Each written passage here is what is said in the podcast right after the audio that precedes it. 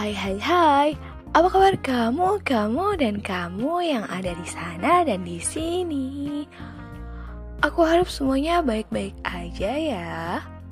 Kembali lagi bersama aku di Berbatin, belajar bareng Tin. Tentu saja bersama Eh dari sini yang akan menemani sobatin selama beberapa menit ke depan untuk membahas SNBT makin dekat Yuk intip strategi belajarnya. So, stay tuned and don't forget to follow our Spotify channel, Inspirator Lulus BTN. And let's go to the topic. It's tapi sebelum aku mulai membahas strategi persiapan untuk menempuh SNBT 2023, aku mau jelasin soal SNBT dulu nih. Jadi, buat kalian yang masih asing sama istilah SNBT, SB, SNBT itu seleksi nasional berdasarkan tes. Tahun 2022 lalu, seleksi ini disebut SBMPTN. Sistem ujiannya juga tetap sama kok. Masih ada ujian dengan menggunakan komputer atau UTBK. Nah, ini dia 6 langkah strategis dan efektif untuk menghadapi SNBT 2023. Yang pertama, perhatikan aturan dan ketentuan yang berlaku. Contohnya aja, untuk pelaksanaan seleksi masuk PTN tahun ini, selain namanya berubah, pada SNBT 2023 ini, tes kemampuan akademik untuk bidang sosum dan saintek dihilangkan loh. Hanya ada tes potensi skolastik. Kalau Sobatin udah tahu aturan ini, Sobatin jadi bisa atur agenda kan?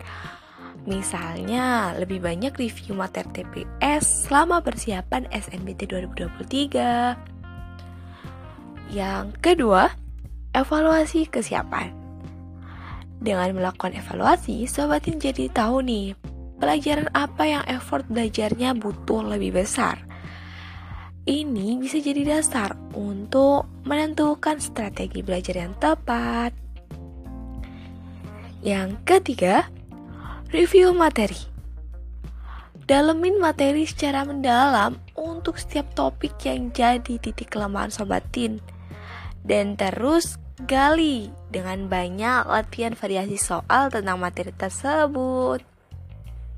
Yang keempat, ikut try out SNBT. Setelah mereview seluruh materi yang perlu sobatin kuasai, baru deh sobatin boleh coba latihan soal campuran. Usahain supaya sobatin mengerjakan tryout juga semirip mungkin dengan situasi pada saat sobatin mengerjakan SNBT nanti.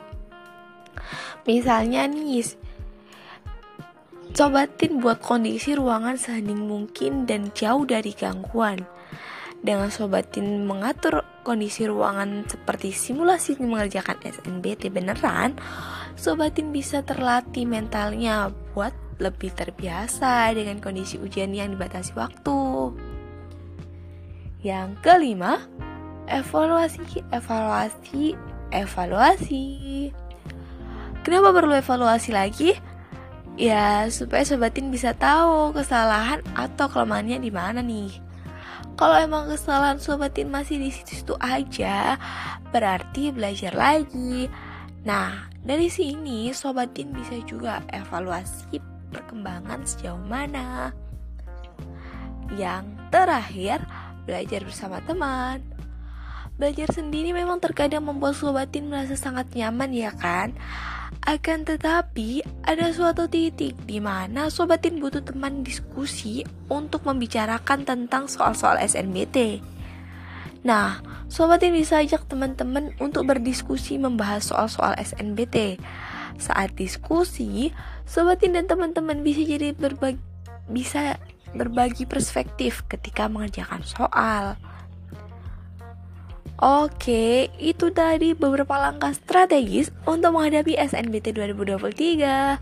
Semoga tips ini membantu sobatin dalam merancang rencana belajar dengan cara yang lebih efektif. Pokoknya sobatin bisa manfaatin proses pembelajaran ini sebagai kesempatan buat meningkatkan kapasitas intelektual secara signifikan sebelum terjun ke dunia perkuliahan. Semangat, give it your best shot. Oke, karena aku sudah menemani sobatin selama beberapa menit ke belakang, gak kerasa nih saatnya kita berpisah. Tapi jangan sedih, karena di episode selanjutnya aku bakal kembali lagi dengan bahasan-bahasan yang lebih menarik tentunya. Semoga berbatin yang sudah aku sampaikan di episode kali ini bisa memudahkan menambah insting teman-teman ya. Baiklah, aku Ehda undur diri dan terima kasih untuk hari ini. Don't forget to follow our Spotify channel, Inspirator Lulus PTN. Sampai jumpa di episode berikutnya. Dadah.